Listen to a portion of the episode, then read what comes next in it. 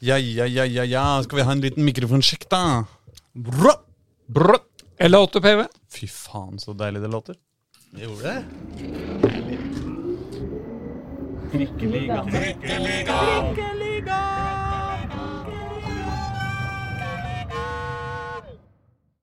Mine damer, herrer og andre, velkommen til Trikkeligaen sesong 3, episode 38. Hvor Dagsavisens aller, aller fremste eh, sportsjournalister og jeg kan snakke om Oslo-fotball med dere lenge og deilig. Jeg heter Aslak Borgersrud. Med meg har jeg Håkon Thon Hello! og Reidar Solli. God aften, god aften. Ja, Det er jo bare ganske tidlig ettermiddag. Hvis vi hadde spilt inn dette på aftenen, så hadde vi jo ikke hatt tid til å se så mye fotball. Reidar. Nei, det, det er jo definisjonen av aften, da. Men, eh, men eh, nei, la gå. Etter, etter to, så er det Kan aften. kan hende noen høre på denne på aftenen, da. Så har vi dekka det. Det er sant. Ja. Og uh, det er klart, i Reidars alder så, så er jo aftenen begynner jo Det begynner tidligere Tidligere og tidligere. tidligere. på sjukehjemmet ditt, uh, Reidar. Nei, unnskyld, jeg bare tuller. Nei, nei, det er ikke det. Ja, ja, ja. Dette har jo vært en heidundrende uke i uh, Oslo-fotballen. Uh, Vålerenga fortsetter medvind med litt eh, halting, hosting og lekkerol. Eh, eh, Grorud var så nære å få sin eh, første seier, i hvert fall leda dem i lokal derby mot Skeid, før det ikke ble så enkelt likevel. Og Koffa fortsetter sin stormmarsj mot Eliteserien. Er det ikke deilig, Håkon? Jo, det er faktisk eh, dette, var, dette var en veldig sånn, interessant og morsom eh, helg. Så endte det jo den der matchen mellom Grorud og, og Skeid litt opp i ingenmannsland. da, Akkurat den der så vi vel for oss at her skal enten Grorud tape eller vinne, og så skal vi enten sende dem ned, eller så skal vi virkelig tenne håpet. Og så ble det selvfølgelig uavgjort, som er et litt sånn eh, litt vanskelig resultat å tolke, egentlig. Det verst tenkelige resultatet for media, men eh, det, det gir jo kanskje Grorud fortsatt en liten mulighet. Vi skal kanskje komme tilbake til det. Ja, ja, vi kan jo liksom godt eh, komme tilbake til det. Vålerenga damer også fortsetter sin, sin seiersgang, forresten. Men kanskje vi skal begynne på Intility på søndag kveld. Der var jo du og jeg, Reidar, og uh, kjeda oss, i hvert fall i første omgang. Jeg kjeder meg aldri jeg, på Intility. Og gjør du ikke det? Nei, nei. Nei, jeg pleier ikke kjede meg, men akkurat den første omgangen eh, nå på søndag, den syns jeg var tung, altså. Ja da, spillemessig var det tungt, men man kjeder seg jo aldri der. Det, det skjer jo ting, og det er mye å følge med på. Og det var jo spennende bare å følge de to comeback kid-gutta til Vålerenga. Ikke sant? Stefan Sandberg og Torgeir Børven. Mm. De sitter vel med ganske forskjellig smak i munnen etter kampen, vil jeg tro. Ja. Men eh, Nei, så det var Jeg syns det var mye å følge med på. Men jeg er enig i at det ikke kampmessig var det noen eksplosjon. Nei, altså det var jo artige ting som skjedde. Uh, hele, men altså, Det er samme med første omgang og andre omgang. Men det, som er med første omgangen, var jo at uh, Torgeir Børven fikk jo spille fra start uh, i uh, hjemmedebuten. Og spilte første omgang, og fikk jo altså dessverre ikke til noe som helst. Nei, og det var vel det som uh, Dag Eilif Fagermo sa til oss etter kampen. Han hadde jo glemt hvordan man skulle spille spiss. Sa han. Det? Så, og det er jo dumt, selvfølgelig. I hvert fall hvordan man skal spille spiss i Vålerenga. Ja. Uh, og det beklaga Fagermo, så han, han, uh, han sa at han til slutt gjorde en liten feil i uttaket der. og Ja. Sette den inn på for tidlig. Ja. Han tok den ut i pause. Ja. Så da kom Henrik Udal inn. Som, eh, Han veit hvordan han spiller spiss. han veit åssen han skal spille spiss i Vålerenga. Mm. Kort og godt, han klaget på at Børgen gikk altfor langt tilbake i banen. Han skulle, han skulle stadig ned og hente ballen når, han, Ja. når han ikke fikk den. Og han havna helt ut av posisjon. Men det er kanskje ikke så unormalt for en spiss som sant, vil komme i gang litt også, da. Det er jo det som er problemet ofte med å være en spiss. Du har ofte kanskje lite ballberøring. Det er sånn sett naturlig at han vil slippe seg ned og kjenne litt på ballen, komme i gang, slå noen pasninger og rett og slett spille seg litt varm. Det er jo ikke så rart. Så det, er ikke, det er kanskje like mye det som at han har glemt å spille spiss. Ja, ja da. Men, men det er jo noe med eh, altså Børven var jo Han gjorde jo det noen ganger, men eh, det var jo ikke bra, det heller. Eh, han hadde jo eh, en overgang hvor det plutselig var Børven som hadde ballen på midtbanen, eh, mens laget storma i angrep. Han sender en kraftfull pasning til venstre som kommer og havner fem meter bak en framadstormende Osame Sarawi. Han har også en annen tilfelle hvor han begynner å hælsparke ballen ut av egen boks, og den går rett til Zakarias Oppsal, hvis jeg ikke husker helt feil, på Tromsø, og, som får en god skuddmulighet. Altså, det var noe sånne greier. Altså, altså litt rusk i Børven-maskineriet, det, Det, det er jeg tydeligvis. Men eh, vi, vi får satse. Derimot gikk det jo bedre med Stefan eh, Unnskyld, Ken Remi Stefan Strandberg. Eh, han Ken Remi. Er det ikke Ken Remi han heter, da? Det er nytt for meg. Ja, det er noe Ken, i hvert fall. Eh, han eh, gikk jo rett inn eh, fra start. Var jo sjefen i eh, Forsvaret. Eh, ballfordeleren. Eh, søker hele tida etter eh, lave og harde pasninger eh, mot eh, midtbanen. Og det var jo interessant. Så Det virker som han spiller mot eh, spillere som er litt vant til å få pasningene litt hardere enn i Vålerenga, men, eh, men det gjør jo ikke noe. Ja, nei, Jeg liker å se folk som skyter pasninger. Ja. Det har jeg alltid hatt sans for. han, du ser jo på altså, han det oser jo autoritet av fyren. Ja. Dette Han er svær òg, vet du. Han er svær, og så er han så rolig Ja. i bevegelsene. Og så skulle de akkurat til å skrive at han har ikke gjort en eneste feilpasning, og da serverte han selvfølgelig en ganske rov feilpasning tolv minutter før slutt. Ja, den som gikk til Kitolano. Ja, Ja, ja, ja. Så da ble det et farlig brudd. Men så endte det jo selvfølgelig Det var jo nesten regissert da, at eh, nettopp han skulle bli matchvinner. Ja. Riktignok på en scoring som skulle vært annullert, men det, Skulle og skulle. Det teller jo ikke den store sammenheng. Når, eh, I og med at dommer dømte mål, Ja. så er det mål. Ja. Altså, det er ikke noe tvil om at det var offside, altså. Men jeg mener, skulle det virkelig vært annullert? Eh, Kan vi ikke tillate oss liten grad av partiskhet i forhold til eh, På vegne av Oslo-fotballen Kan vi ikke tillate oss litt offsider, som gir En og annen litt sånn små-offside. Nei da, men Stefan Strandberg hoppa opp på en corner. Han vant på huet, nikka den ned mot beina til både keeper, keeperen til Tromsø og uh, lagkamerat Leonel Sota. Um, Ja, og jeg, eh, jeg, jeg liker ikke å se på TV eller skjermer når jeg ser på fotballkamper. Jeg vil oppleve den live der og da. Ja. Og jeg skjønte ikke at det var mål før Jeg trodde det var Sota som var målskårer, når han liggende fikk den ballen endelig i nettet. mm. Men det viste at den var jo, den var jo inne på første forsøket til Strandberg. Ja da. Det, eh, hvis vi skal prøve å være litt partiske, men også fornuftige, Ja. så Det er vanskelig, det. Det er vanskelig, men da kan vi si at eh, Litt samme som du sier, Reidar, at eh, det er vanskelig når du først sitter her og ser på dette. her, fordi det er ikke noe tvil om at når jeg satt og så kampen, så ballen går i mål. Eh, Jeg var, eneste jeg lurte på, var om var den over streken. Det var egentlig Ja. det eneste jeg lurte på. Eh, om det var noe offside, var ikke jeg eh, Tanken slo meg ikke i det hele tatt. Så hvis jeg tenker på det på den måten, så er det fullt mulig å skjønne at en dommer overser det, selv om det tross alt er jobben til en dommer. Jeg vil eh, sannsynligvis ikke få noen Tromsø-fans som blir mine beste venner de nærmeste dagene, hvis de skulle switche inn på denne kanalen.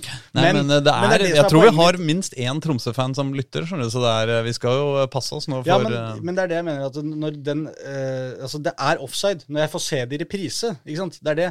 Når, reprisen kommer, så tenker jeg jøss, det er jo kjempeoffside. Ja, ja. Han står jo oppå keeperen i offside. Det, Ja, det er jo ikke noe tvil i verden om at det skulle vært annullert. Nei. Men bare for å prøve å forklare det, så skjønte, slo ikke tanken meg et eneste sekund Nei. rett etterpå. Nei, og det som Tromsø-treneren Helstrup eh, fokuserte på, var jo at Vålerenga alltid stiller opp sånn på corneret, Mm. med at de plasserer en mann rett foran keeper. Så han var jo skuffa over at dommerne heller ikke, ikke fikk med seg det.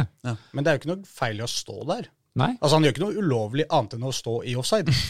ja. nei. Det er det eneste ulovlige han gjør. Ja. Og det. Og Apropos ulovligheter, så var vel eh, dom, eh, Tromsø-trener eh, eh, med også hadde vel en og annen eh, litt på kanten oppførsel eh, der på et tidspunkt. Jeg husker ikke hvilken Tromsø-spiller det var, men som avbrøt en Vålerenga-overgang ved å, å takle eh, Bjørdal, Henrik Bjørdal langt utover sidelinja. Så Henrik Bjørdal tryner inn i eh, treneren til, til Tromsø. Eh, hvorpå han går vekk i to skritt, og så kommer på at hei, ble ikke jeg treffe en Vålerenga-spiller? Eh, eh, nå, nå setter jeg meg inn i huet hans, det er ikke sikkert han tenkte sånn, men, men det er sånn det ser ut på, eh, på opptaket. Hvorpå han så plutselig legger seg ned og tar seg veldig hardt til hofta, og ser jo ut som han har fått uh, lårhalsbrudd eh, der og da. Eh, men da tydeligvis hadde glemt at det tross alt var hans egen eh, spiller som, som satte i gang det greiene. Ja, det var et av de høydepunktene som det, så jo ikke vi der og da, for vi sitter jo feil. Ja, ja, vi så bare at han eh, så, gikk på trynet. så vi det på den sportssendinga på kvelden. Ja. Ja. Og der kom det jo mer krydder. Så høydepunktet for meg der var jo Gjermund Østbys inngripen. Absolutt. På, det var jo helt- sluttfasen her. Ja, det var jo ja, helt ja. fantastisk. For vår venn eh, Moa, eh, altså Moa 2, da, eh, som, er, eh, som, eh, som er fysisk Pleide å være fysisk trener og er assistenttrener, kanskje, for Fagermo. Eh, eh, som jeg har skrevet et, et fint eh, lite intervju med en gang, uh, faktisk. Ja. Han uh, gikk jo helt bananas i uh, en situasjon hvor Osame Sarawi ble litt grisetakla av en Tromsø-spiller. Og dreiv og skulle angripe og slåss og fram og tilbake. Mens gammelen, vår venn Gjermund Østby, bare Å nei! Han så ut som han, eh, han, Det er han karen du har, har lyst til at skal være dørvakt på byen, som bare løfter tak i han som lager bråk, og kaster han ned i stolen sin. En mann som er 30 år yngre og betraktelig bedre trent. Ja, og som ser hyggelig ut. Ja, ja, ja. ja. ja, ja. Men, men jeg satt jo og så det på TV, så jeg så jo dette her da det Mm. skjedde. Så jeg lo jo ganske godt når jeg så dette opptrinnet. Først så syns jeg det var litt, for jeg synes det er litt gøy når det fyres litt på benken her òg, jeg, da. Ja, ja, ja. Jeg synes det er litt gøy. Og så tenkte jeg jøss, i all verden, kommer det en Vålerenga-fyr og tar tak i sin egen kamerat, Mm. liksom. Bare, og det var ikke noe sånn det var ikke litt forsiktig heller. det var sånn, Glidelåsen spratt opp, og det var liksom, skjorta sto rett ut. Og så ser jeg det er jo Gjermund Østby som holder på der nede. Jo. Og så, så fikk jo kommentatoren skjønte jo han òg, så han syntes det var litt artig. Så han kommenterte jo. Ja, Det beste er jo, syns jeg fra den eh, situasjonen, er jo Sidi Jatta, som eh, sitter på sidelinja der. Han er jo eh, den, eh, ser jo ut som den triveligste fyren i universet. Og han ler og ler og ler, og han sitter på stolen rett ved siden av der hvor Moa blir liksom kasta ned, og sier at det var Han koser seg så fælt med den derre slåsskampen mellom sjefene sine. Ja. Ja, for det er ikke noe tvil om at Gjermund Østby hadde jo fort blitt sendt i garderoben hvis det var en motstander han holdt på å behandle sånn. Absolutt, absolutt. Men det tror jeg ikke Jeg vet ikke om Gjermund Østby har fått noe rødt kort, men eh, Moa fikk eh, Moa 2. Eh, han fikk rødt kort i den situasjonen. Ja, det fikk han Ja, faktisk. ja. Ja, han, Men han det var, rødt, ikke for, det var ikke for behandlinga han fikk av Østby. Nei, nei, det håper jeg ikke. ja, han fikk rødt, og Fagermo fikk gult. Ja. Og det spurte vi Fagermo om hvorfor fikk du gult. Og da, For at han slo litt ut med armene, sa han. Ja. Eh, Jeg tror kanskje han har sagt litt noe verbalt i tillegg, men eh, Det er umulig å se for seg. det, er- ja, det kan vi ikke tenke oss. Ellers så var det jo noen andre som fikk noe i løpet av kampen også. Eh, Henrik Bjørdal f.eks. for eksempel, ble jo griseskada i denne situasjonen med, med treneren. Eh, og da kom eh, Vålerengas sportslige apparat straks løpende med Lekkerol eh, Ja. til han. Eh, mens Tromsø-spillere som hadde blitt skada tidligere i kampen, eh, ved ett en anledning hadde fått gelé, og en annen anledning hadde fått sjokolade ute på banen. Sånn at eh, det er mye snacks i, eh, i en god skade eh, på Intility om dagen. Det er mye snacks i legekofferten, og det er viktig. Kanskje det var det Gaute Helstrup tenkte òg, da han la seg? At han var litt fysen på noe snadder? Ja, men Han altså, så at det deltes ut så mye snadder den kvelden at han bare, vet du hva, her var det han tenkte. Det var ikke 'Å, en Vålerenga-spiller datt inn meg, jeg fikk vondt'. Han tenkte 'Jeg har lyst på en snickers, jeg'. Ja, ja. Kanskje vi har det? Jeg prøver. Ja, det er en god forklaring. Altså, Som småbarnsfar kjenner jeg meg jo igjen i uh, helbredelsesteknikken. Det må jeg si. Ja da. Men uh, Helstrup mangla jo da Harald Aabrekk-vrien da, med å bli båret ut på båre før man gjør comeback eh, på benken. Nei, det, men uh, en, alt i alt en artig kveld. Uh, eh, vi kunne jo selvfølgelig ha snakka litt om fotball nå, men eh, det var liksom ikke så Det var et stangende Vålerenga mot et kontrende Tromsø. Det kunne godt ha endt begge veier. Eh, Ja. Begge laga hadde, hadde sjanser. Ikke sånn supermange sjanser, men eh, begge laga hadde sjanser. Vålerenga hadde en usedvanlig god keeper. Eller det er jo sedvanlig til han å være. Eh, Sjøeng, Magnus Sjøeng, vår forrige ukes podkastgjest. Hvis du ikke har hørt det intervjuet, gå og hør det med en gang. Det er gøy, sjøl om det er dårlig lyd. Uh, og han fikk jo til og med en sånn plysj-smultring. Eh, nei, hva heter det? Bamse, bamsesmultring. Som han kunne juble med, med publikum med etterpå. Det er koselig. Ja, det er koselig. Og så fikk vi, vi fikk jo se det vi snakka med ham om um, forrige uke, da. Den, altså den roen han viser i enhver situasjon. Ja. Selv når han fikk ikke kompispasninger fra fire meters hold Ja. på slutten der. Så han sa jo også til oss at han, uh, han føler, seg, føler seg fortsatt litt usikker med ballen i beina. Det Det, det er det, han, det er det han jobber, jobber mest med. det var det jeg syntes var rart med det intervjuet. Fordi jeg oppfatter Sjøeng som en keeper som, som nesten er hans største styrke, er eh, arbeidet med ballen i beina. Men, uh, Men det, det kommer litt an på hva du mener med ballen i beina. Altså, Keepere oftest legger jo, når de snakker om ballen i beina, så legger de ofte også inn i det pasningsspillet sitt. da, ja, ja, på en måte. Og det er jo det som har vært eh, litt skummelt til Jeg, tider. jeg mener ikke beinparadene, jeg heller. altså. Nei, nei, men jeg trodde du mente at, at hvordan han behandler ballen, mottar ballen og, og nærteknikken, rett og slett. da. Ja, ja, ja. Ja. ja. ja, ja For men- den er ok, ja. men uh, bedre i hvert fall. Det er jo pasningene som først og fremst har vært litt, litt skumle. Ja, ja. Men det er jo aldri noe Det, er, jo- det ser jo aldri panisk ut. Altså Alt skjer jo bare med det roligste, verdens roligste bevegelser. Ja, Og det Og er jo en styrke. Det er en styrke. Mm. hva- Du så det jo på tamp, altså sånn med tanke på den der litt kjipe baklengsen han fikk mot HamKam eh, på tampen der. Han skulle jo egentlig stått med tre smultringer på rad nå, hadde det ikke vært for at eh, den klareringa gikk i mål. Ja. Så uh, syns ikke Tromsø hadde så voldsomt mye på tampen der. altså Hadde egentlig ganske god kontroll, syns jeg, på slutten. Uh, Vålerenga. Mm. Kom til det der ene innlegget flatt inn, og da lå jo Sjøeng der i igjen ganske rolig da, og offensiv i huet også, hvor han var ute og plukka et lavt innlegg helt på mot mm. slutten der, mm, som var sånn Det ble ikke noe ut av det, men hadde han vært litt passiv, litt engstelig, blitt stående på streken her, så kunne det blitt en ekkel situasjon. Men så dreper han det ganske effektivt. Ja, kjempe, kjempeinnsats. Men har han nå fem smultringer? Det er det jeg lurer på. Totalt? Hvis han har det, så kan han jo danne OL-ringer. OL han fikk én nå. Han fikk én mot Ålesund. Jeg er ikke bak i det, så jeg veit ikke. En mot, Men, uh... mot Sarpsborg og en mot Kristiansund. Ja. Hvor mange ble det? Ja, Det ble fire, bare. Ja. Ja. Men uh, snart er det OL-ringer uh, på Sjøeng. Kan legge ut Eh, da kan han tatovere, sånn som OL-utøverne gjør. De liker jo ofte å tatovere sånn Rio. Også, ja, ja. Man kan jo faktisk også være Man kan jo i teorien kvalifisere seg til OL i Paris. Han, ja, det er sant. For han er jo bare et lite 2024. barn. Han er bare et lite barn, og de skal jo ut i et EM-sluttspill neste år. Som da De må riktignok komme til finalen, kanskje, for å da komme seg videre til OL. Dette er litt langt fram, men uh, han er på radaren. Ja. Men at Vålerenga vinner denne kampen, er vel, sier vel litt om den flyt, flyten de plutselig er inne i nå. Ja. Så blir det jo uh, Nå er det jo Viking uh, uh, borte. Viking i Stavanger på søndag, og så er det da Lillestrøm på Intility uka etter. Og det blir fest. Da får vi litt første ordentlig test på den reelle fotballinteressen i Oslo. Ja. Hvor mye folk kommer på den matchen. Men borte mot Viking får vi den reelle testen på om de virkelig er i gang fotballmessig. Ja. Fordi fordi det har jo vært eh, mye, mye rask eh, som, har, eh, som de har møtt i det siste. Så nå, nå blir det ekte. Men Viking var jo den kampen ja, det var liksom den første kampen Vålerenga virkelig vant som var sånn Å ja! Oi, ja, de, vi er i gang igjen. Da. Ja, for de slo Kristiansund 3-0, ja. og så slo de Sarpsborg 1-0 mm. borte. Og mm. det, ikke sant, Du slo Kristiansund. Det var sånn ja. OK, det, vi får prøve å bygge noe på dette. Og så slår du Sarpsborg, som man ikke helt visste hvor man hadde. Men mm. ok, det er bra. Da mm. har du faktisk vunnet en god, en vanskelig bortekamp. Følte man i hvert fall på det tidspunktet. Nå har jo Sarpsborg vært dårlig etter det, da. Men så kom jo den Vikingkampen hjemme hvor man tenkte hvis de vinner denne nå, så er det tre på rad. Og da er de virkelig i gang. Og da, da, vant de den 4-2. Så etter det har det jo bare gått på skinner, egentlig. Ja. Så vi får håpe at ikke det snur tilbake igjen eh, nå mot Viking, da. Oh, det hadde vært dumt at det er Viking som er en slags sånn uh, bryter for Vålerenga. Ja. Hver gang man møter Ja, Samme det. Jeg lurer på om vi skal bevege oss videre til uh, Vålerenga damer, jeg. Hva syns dere om det?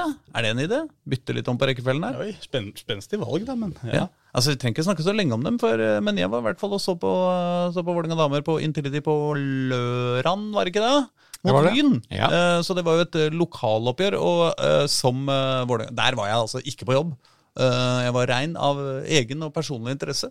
Og jeg må jo si at jeg var litt nervøs uh, før kampen. Jeg tenkte at uh, Lyn har jo, uh, har jo liksom vært bedre enn forventa denne sesongen. Vålerenga kanskje inne i en litt dårlig periode. ikke sant? Hvordan går det her? Men det var jo altså Lyn møtte jo virkelig, virkelig, virkelig ikke opp til den kampen. De virka veldig redde. Tørte nesten ikke å altså Bare de hadde ballen, så virka det som om alle bare ville bli kvitt den så fort som mulig. Og uh, var uh, Jeg ble litt sånn å ja, er det det her Det er litt pussig etter den sesongen de har hatt. Ja, ikke sant? Det var det jeg også tenkte. Jeg, at, jeg har jo sett Vålerenga Lyn mange ganger de siste sesongene, og, og Lyn har jo stort sett uh, gjort det veldig bra. Til dels vunnet kamper og, og, og, vært helt på, på høyde. Men, eh, men, eh, og nå, Vålinga hadde ikke en spesielt god kamp. Eh, det var ikke noe sånn sjansebonanza Eller jo, det var en del sjanser, men, men det ble jo bare 2-0 til Vålinga. Men, men, det var på ingen måte trua på noe som helst tidspunkt. Så fikk jo Sævik sin første hjemmekamp, eller sin første kamp i det hele tatt, var det vel kanskje. Og hadde masse gode sjanser. Hun hadde vel, hun hadde vel innhopp, uh, lurer jeg på. Ja, jeg lurer på om hun hadde et innhopp. Eller, ja. ja. jeg husker ikke. Vi snakka om dette, i hvert fall, husker jeg en episode hvor hun kom Jo, hun kom jo inn mot, uh, mot Avaldsnes. Det var jo da hun fikk debuten sin mot gamlelaget. Ja, nettopp. Ja, uh, men hun hadde masse sjanser og spilte en veldig god kamp, syns jeg. Og var egentlig Vålerengas mest spennende angrepsvåpen i den kampen. Men, men, hun greide ikke å få ballen i mål, da. Eh, Så hadde vel Lyn en kjempesjanse helt på slutten her, som jeg skjønte, som kunne gjort at de rana til seg ett poeng. Men keeper Ja, Jalen Tompkins redda. ja, men det var 2-0. Det var det. Ja. Da er det helt feil, det jeg sier. ja, Ja. det er egentlig Men det. bare for å ta uh, Lyn også her. eh, som du sier, man visste ikke helt uh, hvor gode de var, og de har hatt en god sesong. Men eh, i og med at det var såpass lang eh, EM-pause for dem også, så har de jo ikke vunnet en seriekamp siden 5. Det begynner å bli en stund siden de vant en fotballkamp, og de har fem strake da uten seier, og de har tapt tre av de fem. De Ja. har riktignok en cupseier inni der, Ja. og den seieren de hadde, det var da 5. juni, var mot Røa. Ja. Så det, det er litt sånn de, de er ikke i, de, Vi snakker om at det har vært en veldig sånn opptur og, og fin greie, og det har det vært. Ja. Eh, Men det virker som det på en måte er i ferd med å brenne litt ut, det, Ja. bollet der nå. ja, på en måte. Og nå er jo samtidig har de da de, de, har, de, det, de har det heftigste høstprogrammet, da. De måtte jo ha alle topplagene i disse siste, gjenstående kampene. De avsluttet ja. mot Rosenborg på, på søndag. Ja. Så hadde de Vålerenga nå, og så hadde de starta mot Brann. Ja. Så For det er jo nå bare én kamp igjen i, eh, i grunnserien i toppserien i år. Vålerenga ligger trygt eh, på tredjeplass med to poeng fram til eh, Rosenborg. Så helt umulig er det jo ikke å, eh, å eh, at det kan skje. Særlig fordi Lyn nettopp spiller mot Rosenborg. Lyn er jo da på sjetteplass, men bare med ett er bare ett poeng bak Stabæk på fjerdeplass. Sånn at sant, Lyn vil jo spille med et ørlite håp om faktisk å kunne grabbe til seg den absolutt 100% avgjørende fjerdeplassen. Men Lyn har Rosenborg. Men Lyn har Rosenborg, så Lyn må slå Rosenborg. Og, eh, og så må uh, Vålerenga vinne sin kamp, Men som vi var enige er- om at var mot Kolbotn. Og det gjør jo Vålerenga. ja, ja, det er ikke sikkert. Men eh, for Kolbotn er jo også i posisjon til å ta den eh, fjerdeplassen. Ja da. Men eh, jeg har sett uh, Vålerenga-Kolbotn uh, før i år. Ja. Og uh, jeg syns ikke det virka spesielt eh, farlig. Men det var på Intility. Ja, Nå er det på gress. ja da. Men siden Ja, jeg er, nei, eh, siden jeg er Lyns eh, representant her rundt bordet nå, Ja, ja, ja, ja. så kan vi jo skyte inn at de spiller kvartfinale også. Er det ikke i morgen, da? Det er i morgen. Mot Kolbotn. Mot nettopp Kolbotn. På gress. Ja. De vant seriekampen her i år. Det var jo første gang i historien at de vant en kamp på, Sofiemyr stadion. Men formkurven til de, de to lagene er vel da helt motsatt nå. Ja. Men også LSK kvinner er jo da en teoretisk mulighet til å ta den fjerdeplassen fortsatt. Så det er, det er en morsom siste serierunde, da. Før alt starter på null igjen. Ja. Det- Men som vi har vært inne på det er i hvert fall én spennende serie du gjør. ja, Ja da. Som vi var inne på eh, da vi hadde den episoden med Tom Stenvold her, treneren til Lyn. Så som vi sa, at Lyn er jo de som har redda dette systemet litt, eh, sammen med da Lillestrøm og Stabæk. da. Ikke sant? Så det vi var vel egentlig ikke noe snakk om at det skulle bli spennende i det hele tatt, hvem som tok disse plassene. Nå har det faktisk blitt det, så de har jo blitt redda litt grann av det. Og så skal det jo altså da sies at Stabæk, som nå ligger på fjerdeplassen, de spiller jo mot Arna Bjørnar, som ligger trygt plassert på tredje siste plass. Ikke har noe som helst å, å, å spille for. Mm. og har en eh, historie med å få litt ordentlig juling i år. De har eh, 51 innslupne mål eh, på de 17 kampene de har spilt. Eh, og det, for oss som er ekstremt gode i hoderegning, så er det tre i snitt eh, baklengs. Ja. Eh, og så, så det er jo åpenbart en eh, veldig veldig lav odds på at Stabæk tar den fjerdeplassen. Altså. Men, eh, Og der, her kommer jo problemet igjen med dette systemet. At Arna Bjørnar, der de ligger, burde jo egentlig vært en utsatt posisjon. Dette burde betydd mye for dem. Ja. Betyr ingenting for dem. Så det blir jo skeivt uh, konkurransefortrinn for, eh, for de som møter de laga nå. ja. Men eh, i morgen, altså onsdag, er det da kvartfinaler i cupen. Vålerenga mot Rosenborg. Eh, og Lynmeter, hva var det du sa? Kolbotn? Ja, ikke sant? Det er sånn som er i Trondheim. Koteng Arena. Um, måtte eh, Det beste vinnerne vinne. gå i Oslos favør. Ja. Ja. Og når vi først er, er innom damefotballen, så var det litt interessant i dag med at Hege Riise tok ut sitt første landslagstropp Ja. etter den norske EM-fiaskoen.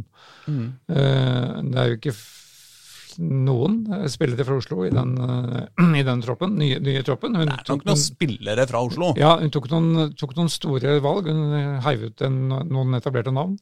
Men det er litt pussig at hun ikke tok Guro Pettersen, keeperen, eh, som ble tatt ut med forbehold om at hun blir frisk. Mm. Eh, de pleier jo å gjøre det motsatt, at de tar ut keeperne, og så får hun heller melde for, for, forfall hvis de ikke kan, kan være med. Mm. Og eh, Karina Sævik, den omtalte nye VIF-spissen som var i M-troppen, hun er også ute av denne nye troppen. Sånn har det blitt. Sånn er det blitt. Det er eh, Hege Riise hater Vålerenga! Kanskje det. Eller kanskje ikke. Hun har jo hatt noen erfaringer i det. De har vel møttes da hun var Elleskog Kvinner og Setskog Høland og hva det nå heter alt dette hun har vært involvert i. Absolutt. Men, eh, men jeg tror hun er voksen. Hun ser, Men er ikke Monica Knutsen med der òg? Jo da, Monica Knutsen er med i dette, i dette rigget også. Jeg bare tulla, egentlig. men hun jobber i Vålerenga. Eh, ja, og på landslaget. Ja. Ja. Uh, Vi stoler på Hege Riise. Ja, vi, jeg tror vi blir pent nødt til å gjøre det. Men da kan vi bevege oss til eh, mandagens uh, kamper i Obos-ligaen, fordi der uh, Altså, jeg må si eh, Grorud-Skeid. Det er et opprør, oppgjør vi ikke har så mange historiske erfaringer med, kanskje, men uh, dæven så viktig i båndstriden av Obos, da, gitt. Ja, altså, for et trøkk det egentlig blei òg, da. Det, på å si, du sa du kjeda deg, du og Reidar kjeda deg i første omgangen uh, på Intility. Jeg vet ikke, Reidar kjeder seg jo aldri med fotballkamper, men vi kjeda oss kanskje litt første halvdel av første omgang, i hvert fall på Grorud. For da skjedde det ingen verdens ting mellom Grorud og Skeid, men derfra ut så var det ordentlig morsomt. og som jeg satt og tenkte på, Tenk hvis det hadde vært liksom flere tusen på den kampen her. Det var så mye dueller, det var rødt kort, det var kjempesjanser som ble brent fra begge lag. Det hadde vært altså et så kok hvis det For vi mangla bare egentlig litt eh, mer supportere på den kampen der. Ja, det var jo en sånn intensitetskurve som var veldig interessant, som, som du sier starta helt på scratch. Det virka som begge lagene liksom eh, Hva finner motstanderen på her? Ja. Vi legger oss litt lavt. Grorud la seg jo veldig lavt i begynnelsen, og det gikk jo sakte, og det var liksom det var ingen framdrift. Og så bare gradvis økte det, og så hjalp det selvfølgelig at disse målene kom. da. Det skaper jo alltid nytt liv. Ja, Grorud har jo fått en splitter ny spiss siden sist. Ja, Det var jo innholdsrik halvtime han fikk på, på Grorud. Ja. Peter Goldley, Michael, Michael. Ja, og Det jo, forklarer kanskje litt av grunnen til at Grorud legger seg litt bakbare. for de starta med et spisspar altså med Bjørn Martin Christensen og Peter Godley Michael. Det er jo mye tempo i de to, to gutta, så den utgangsplanen der var nok ikke så dum, men det var jo ikke, som du sa, Reidar, ikke noe intensitet, og det var jo egentlig ikke noe ordentlig forsøk på å prøve å finne dem i bakrom, føltes det ut som heller. Begge laga trilla mye ball. Men så skårer han da på et innlegg fra Preben Mankovic. Pent satt, for så vidt. Innlegg fra venstre, så styrer han inn med yttersida av høyrefoten eh, i mål. Kaldt og rolig. Mm. Så det, det er jo det Grorud har mangla litt. da. Altså det der, de har jo spilt seg til veldig mye sjanser, men mangla den roen foran eh, målet. Og den hadde, viste Michael at han hadde. Og, så, Vålerenga-spilleren, vet du. det er og Skeid, da. Det er jo det som er litt interessant her. at Han, han debuterte jo for Skeid på lån fra Vålerenga i et Oslo, annet Oslo-derby. Han skåra i debuten sin for Skeid mot KFUM. Ja. Og nå skårer han i debuten sin for Grorud mot Skeid. Ja. Så det er spesialiteten hans. Altså, Det Etter det så skårer han ikke noe for Skeid. Han fikk riktignok bare seks-sju kamper, da. Men, men Du må jo nevne at den kom fra Sogndal på fredag. da. Ja, og så har han jo slitt litt med sykdom. Han våkna jo opp, fikk vi vite, eh, på mandagen. Hvis vi skulle liksom tida tilbake til mandag morgen, så fikk han jo beskjed om at han ikke følte seg helt pigg. Han skulle kjøpe, kjøpe seg litt frokost, og så skulle han sove litt, og så skulle han kjenne på det. Da han kom til arenaen, så, så virka han pigg, og oppvarminga gikk bra. Så da fikk han eh, starte. Men da halvtimen ble passert, så, så var det rett og slett tomt. Da, da fikk han hodepine og orka ikke å fortsette. Oi. Så ingen som egentlig skjønte hva som skjedde. Vi diskuterte litt uh, hvorfor han plutselig ble liggende nede. Var det en hodeskade, eller var det noe vi ikke hadde fått Det med så oss? jo ut som en skade, ja. Ja. Men han var rett og slett uh, Han orka ikke mer. Nei. Så, Da legger man seg ned. så han hadde var en spenstig halvtime av en debut, med scoring og ut igjen da. Kommer Ja, da om et par-tre år, om han eh, kommer til å signere for KFUM og debutere mot Grorud, da. må ja. det bli. eh, For det at bli. trekanten skal være komplett, Ja. eh, og skåre i debuten. Men litt interessant at han, han ble vel kåra til banen til Groruds beste av en, en eller annen jury. Etter å ha spilt en halvtime med Etter hodepine. 32 minutters spill. Det er vel sånn at jeg tror de kårer dette her publikum stemmer på Facebook eller noe sånt, tror jeg. Så det, okay. det er der de avgjør det. Det er ikke en jury sånn sett. Men Men som som- spissmakker Ja, vi kan, vi Ja. kan komme dit. Jeg skal bare eh, si at Vi kan godt komme til han, for det, det jeg skal inn på nå, er at det, det er litt kjedelige for Grorud her, da, for å ta det først. Det er at de, må, de blir tvunget til å gjøre tre bytter. Mm. Og eh, Johan Jønnes Nilsen ender egentlig opp med å ikke få muligheten til å gjøre noen egne eh, Kall det taktiske bytter. da. Han må først bytte Goldie Michael, og så tidlig i andre gangen så må, så må han bytte Bjørn Martin Christensen. Det vil vil si at han det fine spissparet som det så ut som på papiret, da, det var borte vekk i andre omgang. Da var det Elsebutangen og Didrik Sereba. Og det, det er ikke helt det samme kaliberet. Sereba hadde to enorme muligheter for eh, Grorud og bomma på begge. Elsebutangen fikk ikke til eh, all verden.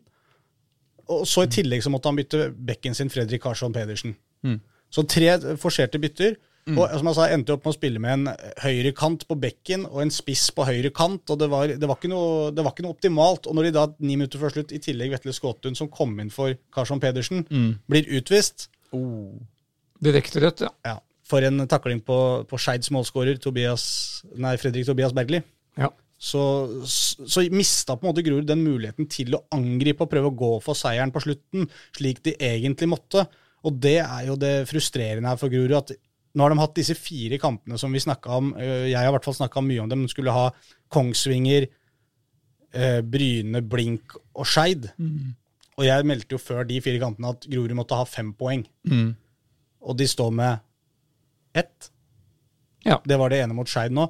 Og Nå skal de ha Start, Ranheim, Brann og Stabæk. Ja, men ikke sant, når du da, fire. i de, Og de to viktigste av de fire kampene, det var jo Blink og Skeid. Ja. Og i begge de kampene så får Grorud rødt kort. Mot Blink var det jo enda verre, for det var jo midt i første omgang. Men allikevel, det, det er noe frustrerende over at vi ikke får den der ordentlige muligheten til å gønne på. For vi var jo litt nysgjerrige på hvor hardt ville Grorud gå for seieren her.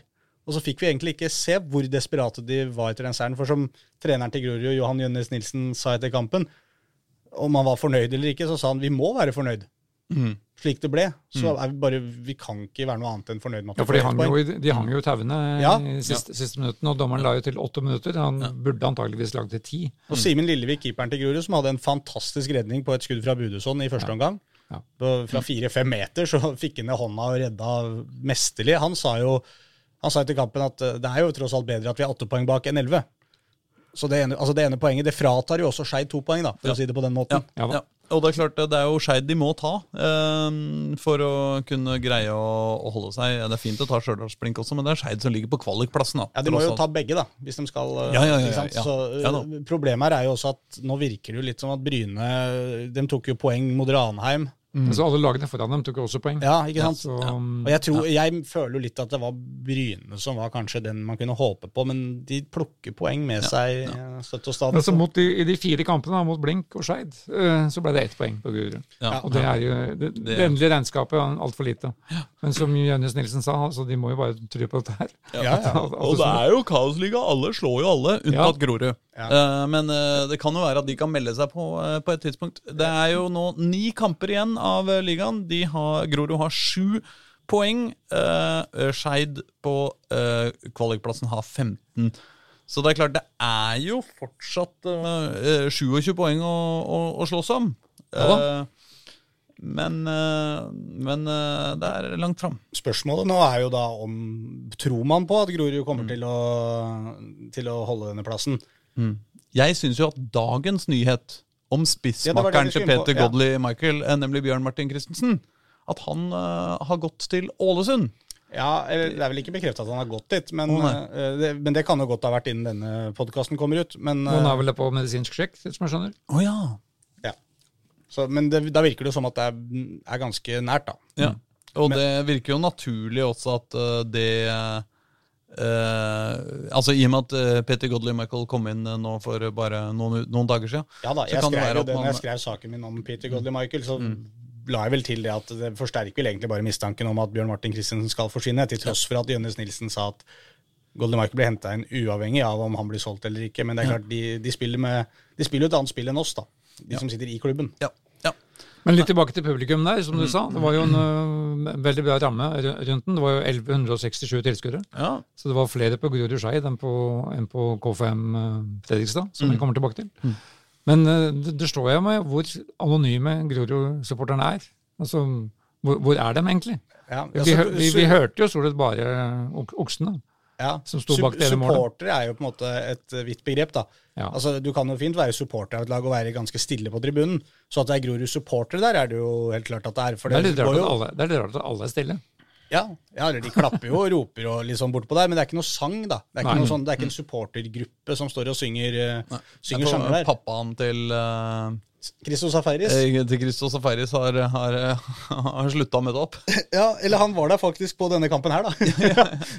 han var på besøk for å se, se Og jeg så Christos også hadde lagt ut uh, en tweet før matchen med noe sånn 'lykke til og kom igjen, gutta' før, for Grorud. da. Så han følger med. Men så er Skeid flink til å bygge en tilskuerkultur i sin egen ungdomsdeling. Ja, men Det er hyggeligere å prate om det. De var vel tre, jeg tror de hadde tre busser med, Det var fire det sto, ja. med, med, med gutter og jenter fra Yngres avdeling til Skeid. Ja. Som da prøvde å finne en parkeringsplass oppå Grorud der. Ja, ja, de, de fikk jo geleida seg inn blant noen steinblokker til slutt. Mm. Men um, det er så Skeids um, de, de blir flinke til å De er veldig bevisst på å bygge supporterkultur. Ja, og jeg var jo med på denne, De hadde jo dette mot KFUM også. Da var Ja. det jo trikk fra Torshov til, eh, til Ekeberg. Ja. Med samme opplegget, da, med barna fra, fra klubben. Mm. Det, det er jo veldig morsomt, for da blir det jo fullt på bortetribunen. Grorud prøvde jo vel noe av det samme mot Skeid. Uten at de vel klarte å mobilisere fullt så mange, så var det for- fortsatt liksom For jeg tror Obos er inne her og hjelper til litt med at de får noen gratisbilletter og sånn eh, yngres Når disse Oslo-lagene møtes internt, da. Så er det noen, noen ordninger der som gjør det mulig. Men det, det skal også fylles, disse bussene, og, og møtes opp på kamp. Og der har Skeid vært gode. Ja. Ja. I uh, det store derby, som vi da kan uh, kanskje kalle kork, kork mot Kampestein. Og som da um, ja, Vi får, må jo nevne Fredrik Berglis scoring, da, som var kampens prestasjon. Ja. Som, altså Den headinga det er jo like hardt som et skudd Mm. som, som går inn der eh, midtveis andre gang. Og så får han jo nesten samme muligheten bare et par minutter etterpå. Corner fra Benny Grise, som da dessverre går litt for høyt. Men da, også, var han jo, da var han jo heller ikke fanga opp av Grorud-forsvaret. Nei, det var jo Så Vi hadde jo fritt, med hadde fritt leide. ja, vi snakket jo med henne etterpå om det. Ja. At, eh, for å ta innlegget, da, det er, sånn der, det, er det, beste, det er den deiligste måten å score på en heading, i hvert fall syns jeg. da, Hvor det er et hardt slått hjørnespark på første stolpe, og en som kommer i full fart og bare stanger den opp i krysset, sånn ordentlig hardt. Og så, ja, som du sier, hjørnespark rett etterpå, så, er, så går jo Bergli på samme løpet en gang til. Ja, ja. Og da tenker alle, og ingen plukker den opp, så, men da slår eh, Riise ballen høyt og langt over Nei, alt og alle ja, på bakre stolpe, så da ble det vel en mis, miskommunikasjon der på hva de egentlig skulle. Ja. Men som Bergli sa, det er jo, for dem var det jo stor forskjell på å ikke tape da, denne kampen, og få Grorud nærmere, nærmere seg i poeng Ja. på tabellen. Ja, for det var, det var jo det vi snakka om, at her skulle vi jo ha en seierherre. Altså Her skulle gro, håpet til Grorud tennes, Ja. eller her skulle det slukkes, på en måte. Ja. Og så er det Jeg, jeg, jeg har jo aldri sendt Grorud ned på noe, noe tidspunkt no, noen gang før. Til tross for at de har vært i mye trøbbel tidligere òg. Men nå, så nære har de aldri vært. Nå tror jeg ikke de klarer det. Nå, nå, nå tror jeg de faktisk ryker ned. Det er ikke bra. Men, Men de eh, må fortsette å tro og håpe. Og Men det det er litt de. sånn, sånn som eh, egentlig alle, alle vi snakka med etter kampen her. De, de visste ikke helt om er vi skuffa, er vi fornøyd. eh, Men de, alle var vel egentlig mest skuffa.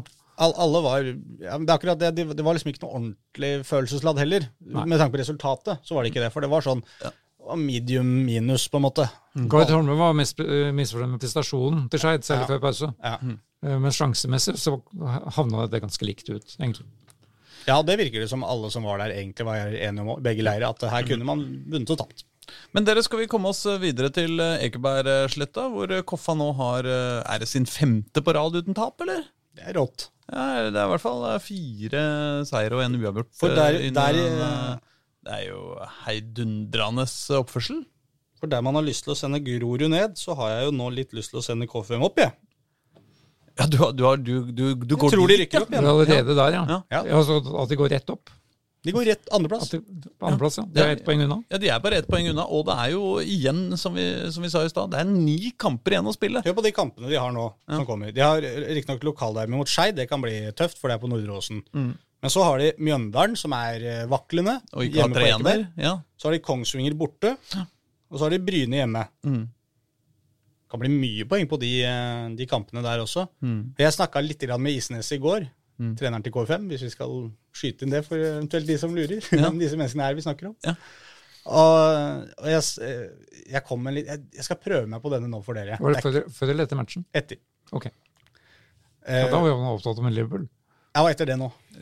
La Håkon prate om. KFM, når de spiller fotball, Mm. så liker de å ha ballen mye. Det vet vi alle som har fulgt litt med. De liker å styre kampene, de mørner motstanderne. Og så har Isnes Det han har terpa på mye ikke sant, i, i perioder, er jo at de må, når muligheten oppstår, så må de også være direkte. Da må de hugge til når muligheten først oppstår. For det er derfor de står og mørner. Hvis de, hvis de ikke klarer å omstille og være eh, framoverretta i de øyeblikkene, så er det ikke noe verdi å stå og trille den ballen. Hvis jeg overfører dette her til på en måte hvordan KFM har vært som klubb da, de siste tre åra. Mm, Skjønner du nå hvor jeg skal? Ja, de har ligget mørna Obos-ligaen. Obos-ligaen og motstanderne sine. surra på sånn femte-sjette, Ikke sant? sjuendeplassen. De har stått på midtbanen der og trilla ball. Mm. Nå har de flytta seg fram til 16-meteren. Nå begynner de å nærme seg skuddhold. Og Mm. nå er det faktisk en liten åpning til å tre den ballen igjennom Mm. og få skåringa, som vi kaller opprykk, da i overført betydning her nå. Mm. For nå er det en liten åpning der. Ranheim surrer, Sandnes Ulf surrer, alle Mm. de laga Stabæk surrer. Det er ingen som egentlig er interessert i den andreplassen. Og da kommer KFM snikende opp der. Og hvis de da er- klarer å ha det der stinget da, som Jørgen Isnesen snakka om, der nå er sjansen der. Kan godt hende at KFM er et bedre lag neste sesong, men da kan det også være motstanderlag som er bedre. Nå er det en reell, faktisk mulighet, og den må de ta. Neste gang vi samles i dette studio, Mm. og i en, om en uke, altså rundt øh, 30. august eller øh, noe sånt, Ja. Så kan øh, Koffa veldig godt være på, være på andreplass øh, på tabellen. Da har Koffa spilt mot Skeid, hvilket jo de bør ha en god sjanse til å ta. Mm. Og, og Ranheim har spilt mot Brann, Ikke sant? som jo skal være litt tyngre. Har du Sandnes Ulf der òg? Eh, Sandnes Ulf har jeg der også. De spiller mot Mjøndalen. Ja. Men de er jo lenger ned. Ja da, jo da. Ja, så, så, Men det kan fort bli poengdeling på Nordre-Åsen, vet du. Ja da, men det, det, det, det, det burde det ikke bli for Koffas del. Nei. Men ikke sant, ja, er, de er eh, de har, ikke sant, Neste uke så kan de være på andreplass. Ja, være på Det er noe fascinerende med dette KFM-laget som, som egentlig ikke har De har ikke spilt det sånn for det store publikum er, er veldig kjent. Men sånn som i går, hvor han eh, første målskåreren da Tore André Sørås Hvem er det? Hva slags spiller er det? Han spiller spiss eh, litt. Han spiller midtbane. I går spilte han på midtbanen. Um, er veldig anvendelig. Spilte vel sammen med Robin Rask på, på midten der. Spilte sin hundrede kamp for, for Koffa og skåret det første, første målet. Men de har en del sånne anvendelige typer som egentlig kan spille i alle, alle posisjoner. Og Det har litt fascinert meg med man har jo Stavrum også, som er litt sånn samme typen. Du som nesten surrer litt noen ganger med Sørås og Stavrum på det laget der. Ja, Som også er en sånn alvennlig type. ja. Og det, øh, bare for å, Skal vi ta måla kjapt òg? Det kan du gjøre. Bare for å ta Eller vil Ja. du Nei, nei, nei, nei absolutt. For det første målet, eh, selv om uansett hva eh, Bummen i Fredrikstad måtte si om at det var dårlig forsvarsspill og dette her, så er det jo stilig når noen dribler seg gjennom eh, flere folk. Ja. Det er alltid litt gøy. Ja. Og selv om det var ikke Graciu, altså ikke som en gaselle som spratt igjennom der, i Sørås, men han kom seg gjennom. Og eh, banka ballen i nota. Mm. Og det andre målet er jo et artig frisparktrekk, hvor Robin Rask det, det er litt av en scoring, altså. ja, som finner Njaye på en kjapp variant der, som de snakka om i, i Han ble intervjua etterpå der om at det, det, var jo ikke noe man øvde på, men at Robin Rask fra det holdet så gjerne skyter han, sier Isnes. Men så har han jo øye, ikke sant? han har jo det blikket, Robin Rask, og det vet jo medspillerne hans etter hvert som de spiller med nå, at det er bare å prøve å stikke. Så ser Robin det, og hvis han føler at jeg har pasninga der, så kommer pasninga. Og den pasninga altså går eh, altså Frisparket er jo fra 35 meter eller noe sånt. Ja. Og så legger han en pasning og som går snorrett rett fram mot målet, men som bare akkurat vekta så perfekt at, eh, at eh, Mosa eh, greier å snike seg inn bak og bare putte rett inn. Altså, det, er, det er deilig mål, altså. Det er et deilig mål, men jeg skal si at Robin Rask ja, han fortjener på en måte kanskje mesteparten av skryten av det. Men jeg føler liksom når ballen kommer så rett på deg, han som skal avslutte der òg Det er ikke bare å forlenge den i målet heller. Neida, neida. Så det er en god avslutning òg, syns jeg. Ja. Men, Kjempe... Men, men jeg syns isen så klart måtte lage, da, det er, jo den der um, litt uforutsigbarheten over altså Først så var jo K5 Norges Barcelona. De skulle jo ha 100% ballbesittelse hele tida. Mens nå er de da mye mer flinke til å, til å variere spillet, også, også etter motstanderen. Mm. Og da, da er disse typene spennende, som da um, kan gå inn i forskjellige roller og gjøre dem utmerket. Så um, jeg er enig, annenplassen er helt oppe nå, og de sier det sjøl òg, nå er det bare er de jo opp. De skjønner jo det sjøl. De kan jo lese en tabell.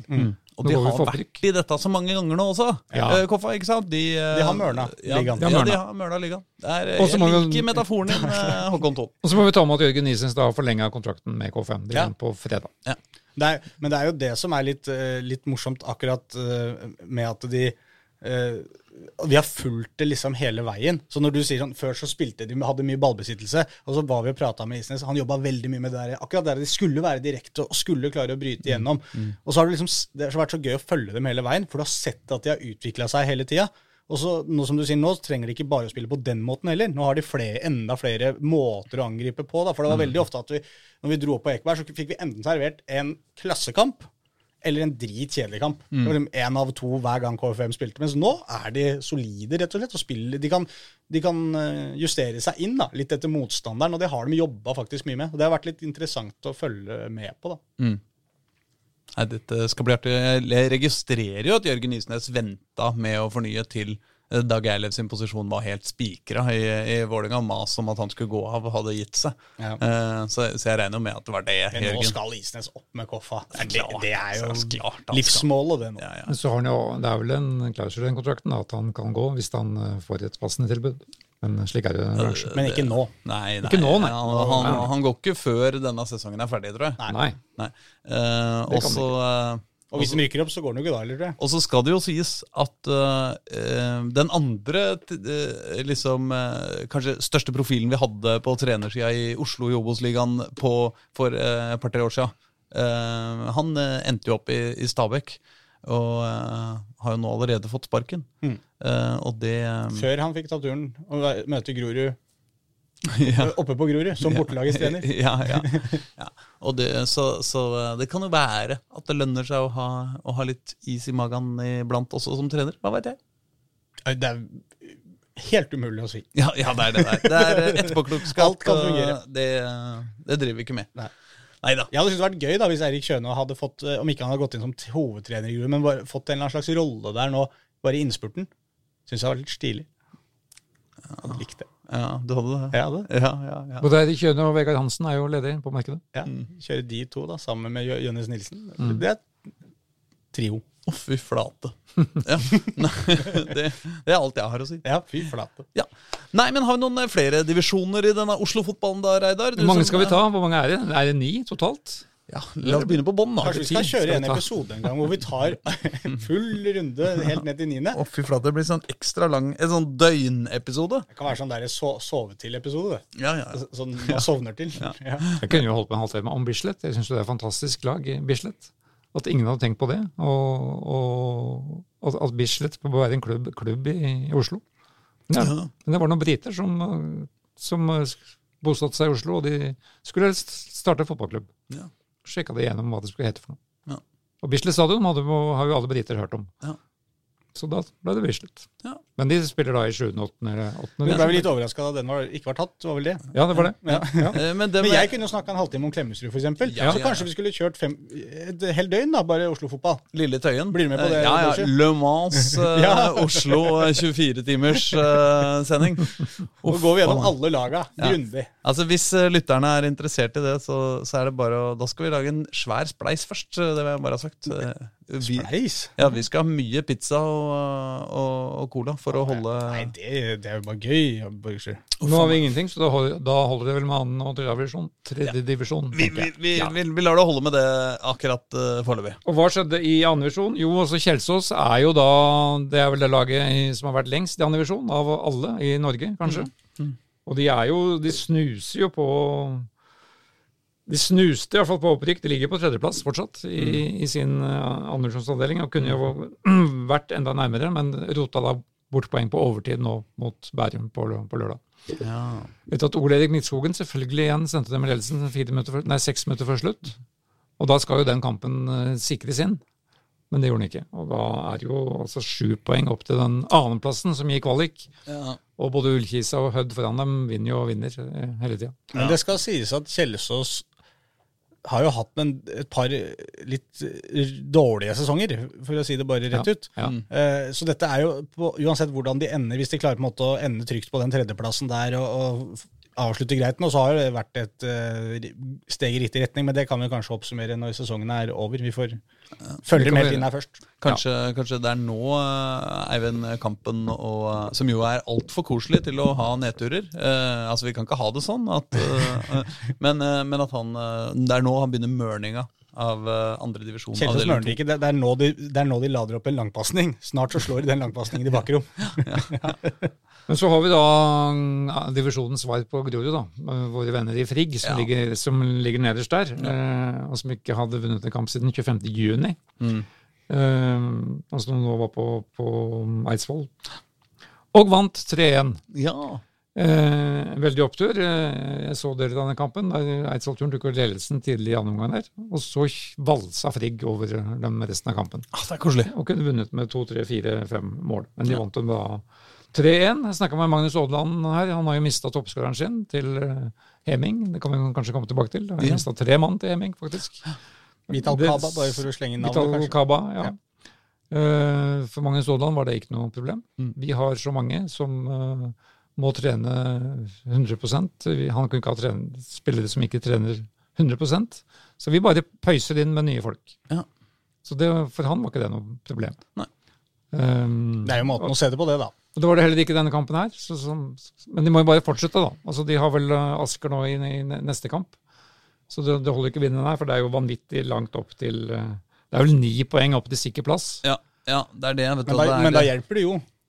Ja, det hjelper. Ja da, Ni poeng på ni kamper. Eh, Ja. Det skal jo ikke være helt eh, mulig, men, eh, Men det, sånn... som, men det som er så deilig med Frigg, bare som du, når du sier det her, når de valser over dem, det er jo det de har holdt på med nesten med alle motstandere sine denne sesongen. De har jo valsa over dem, men har ikke klart å få mål. Og det, det eneste forskjellen på den kampen her er jo det at de skårer de måla de trenger, da. Og vinner. Ja, Vi er jo enige i at Frigg er det motsatte av Grorud, egentlig. Riktignok så ligger de helt på bånn, men, eh, men eh, Frigg har jo ikke greid en eneste uavgjort i år.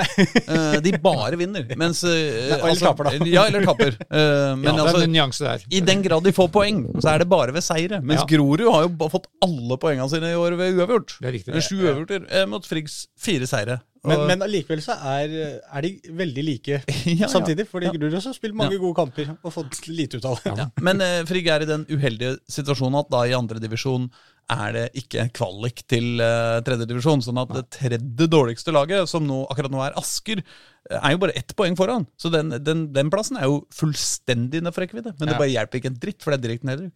Ja. Men det er klart, hvis du kommer deg over den igjen, så er det, slipper du kvalik. Da Da holder du deg uten å spille kvalik. Dette er sant, men eh, da må du ha ni poeng til, da. Det tar dere, frig. Nå er dere i gang. Spilte med røde skjorter, gjorde du ikke?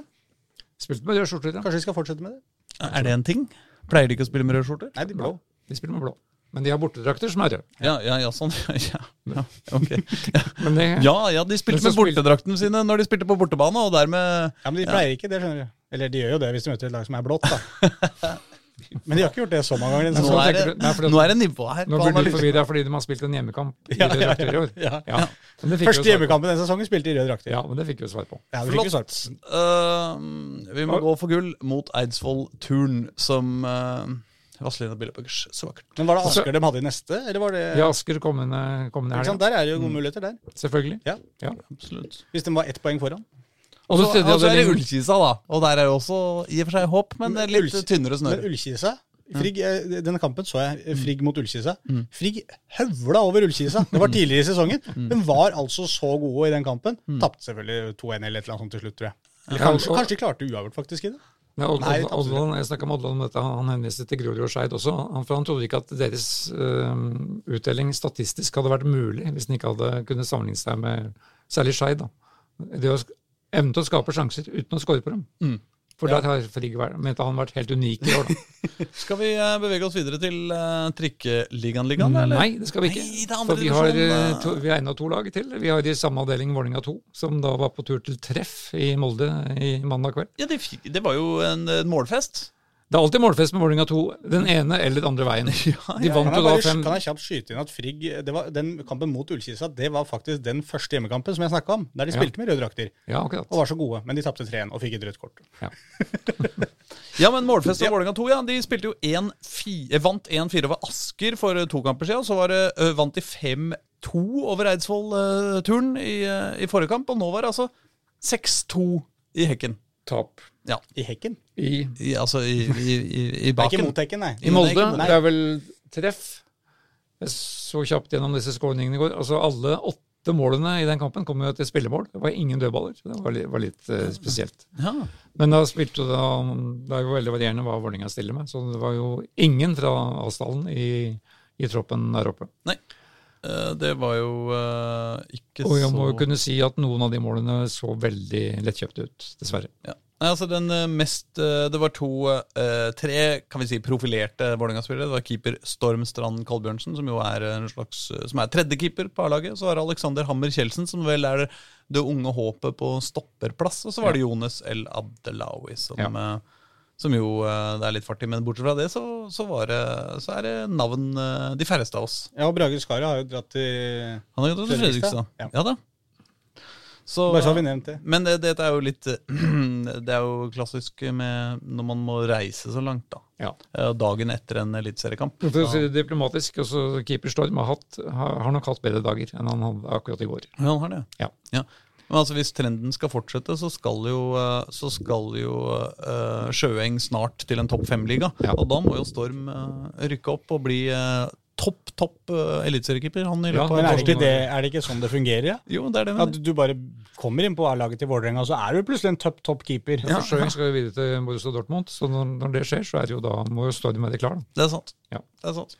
Men det betyr at VIF 2 ligger ja, Nei, de ligger på trygg grunn. Det, Ja, det, det, det er lang avstand. hu- Husk nå hva vi snakka om de tre siste plassene der. Det er ja, Ja, ni poeng ned uh, til uh, Asker på uh, Ja. usikker plass. Og Vålerenga 2 har jo tross alt også et litt ekstra kaliber å hente ned hvis det skulle bli nødvendig. Så jeg tror ikke det er noe fare. Nei. I den andre avdelingen så var da vårt ene lag Ullern eh, på tur til Arendal. Ja. De var det vel ikke der på hele Arendalsuka, men eh, de møtte iallfall fotballaget. Og Arendal kjemper jo om eh, opprykk. Ja. Ullern hang med lenge, men så fikk da Ismar uh, Distar. Distar eh, rødt kort halvtime før slutt. Mm. Da ble det tungt, og da avgjorde Arendal den matchen. Men jeg tror også Ullern klarer seg. Det er vel det som er målet deres. Å stabilisere seg i divisjonen. Um, det rare var jo at jeg var jo i Arendal på torsdag, eh, og da så jeg Jervbussen. Ja, Ja, og jeg vet ikke hva de skulle. kanskje jeg hadde rett. Jeg Ja, ikke sant? Vi snakka jo om det i forrige ja, at, at du egentlig dro ned for å se på jerv. Ja, det er det, Men så var det kanskje jerv som oppsøkte deg så kom Jervbussen, jeg jeg, jeg skjønte ikke en dritt. Uh, samme det. Du, du, var- du surra litt med at Jerv var fra Arendal, var ikke det? Eller, Reidar Reidar surra med det. surra med Jeg var jo ikke til stede på Nei. det tidspunktet. Nei, okay. Jeg bare hørte det på podkasten. Ja. Nemlig.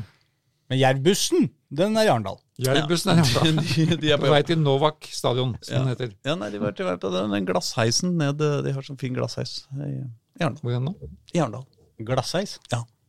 Det er, det er en eh, kupert liten by i Arendal. Eh, sånn at for å komme seg ned og oppover fort, så kjører man glassheis. Eh, det er et utkikkspunkt og et uh, turistmål. Så høyt Så måtte heisen til Arendal. ja, så høyt er det ikke i Arendal at dere trenger heis. ikke snakk om dere. Jeg uh, reiser til Oslo til Arendal kun én gang i året. Da er det greit. Jeg reiser til Arendal kun en gang i året. Trikkeligaen, også kalt tredjedivisjon avdeling 1. Yes! Hva har skjedd der? At Lyn og Nordstrand nå har skilt seg ut. Ja. Etter at begge lagene vant sine kamper på lørdag. Nordstrand mot Sandviken, og han sa til oss i intervjuet etterpå, Thomas Holm, at han, han mener at det er helt naturstridig at Nordstrand ligger der de ligger. Mm. Han påstår de har samme budsjett som Grei. Men det er noe så, de, men de, den- de sleit mot Sandviken. Han sa de begynner å bli slitne nå, for det er mange som spiller eh, kamper både for antlaget annetlaget og for juniorlaget. Mm.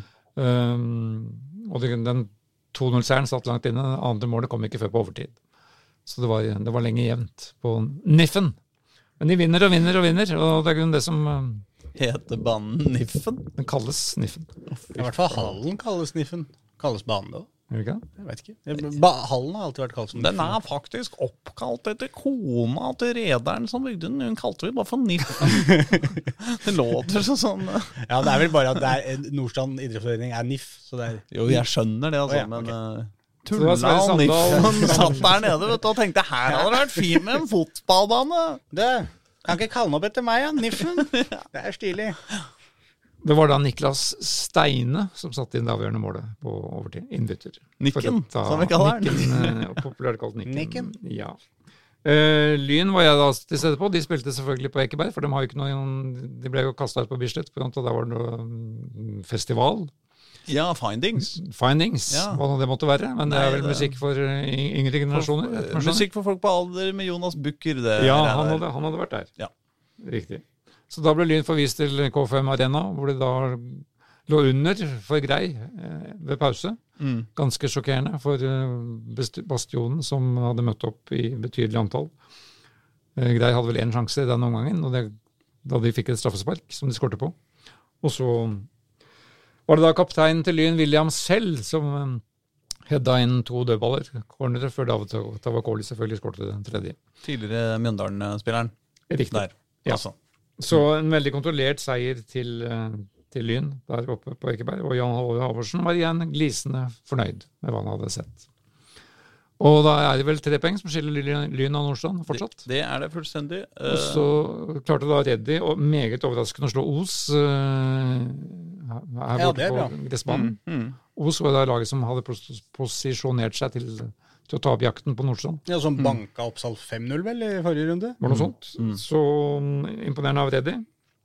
Armin Rustik og Amel Muratovic, som skåra på gressbanen grus. Grus, eh, gress, Kunst. kunst.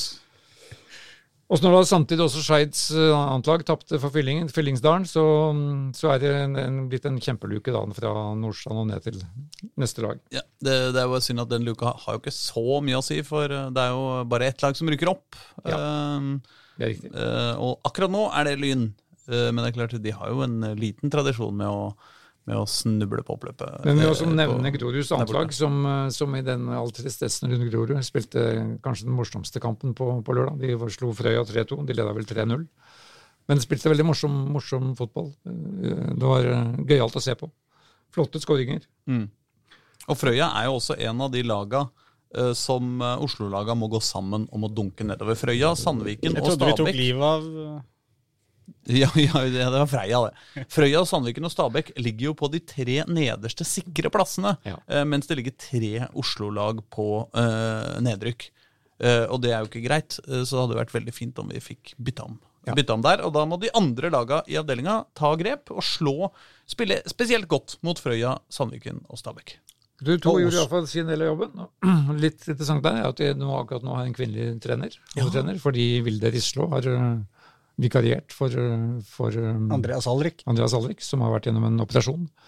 Og det virker som, eh, som Vilde trives godt i den vikarjobben. Så mm, laget hennes sprudla på lørdag. Kanskje hun, kanskje hun ender opp på Tave ta Grorud hvis de ryker ned?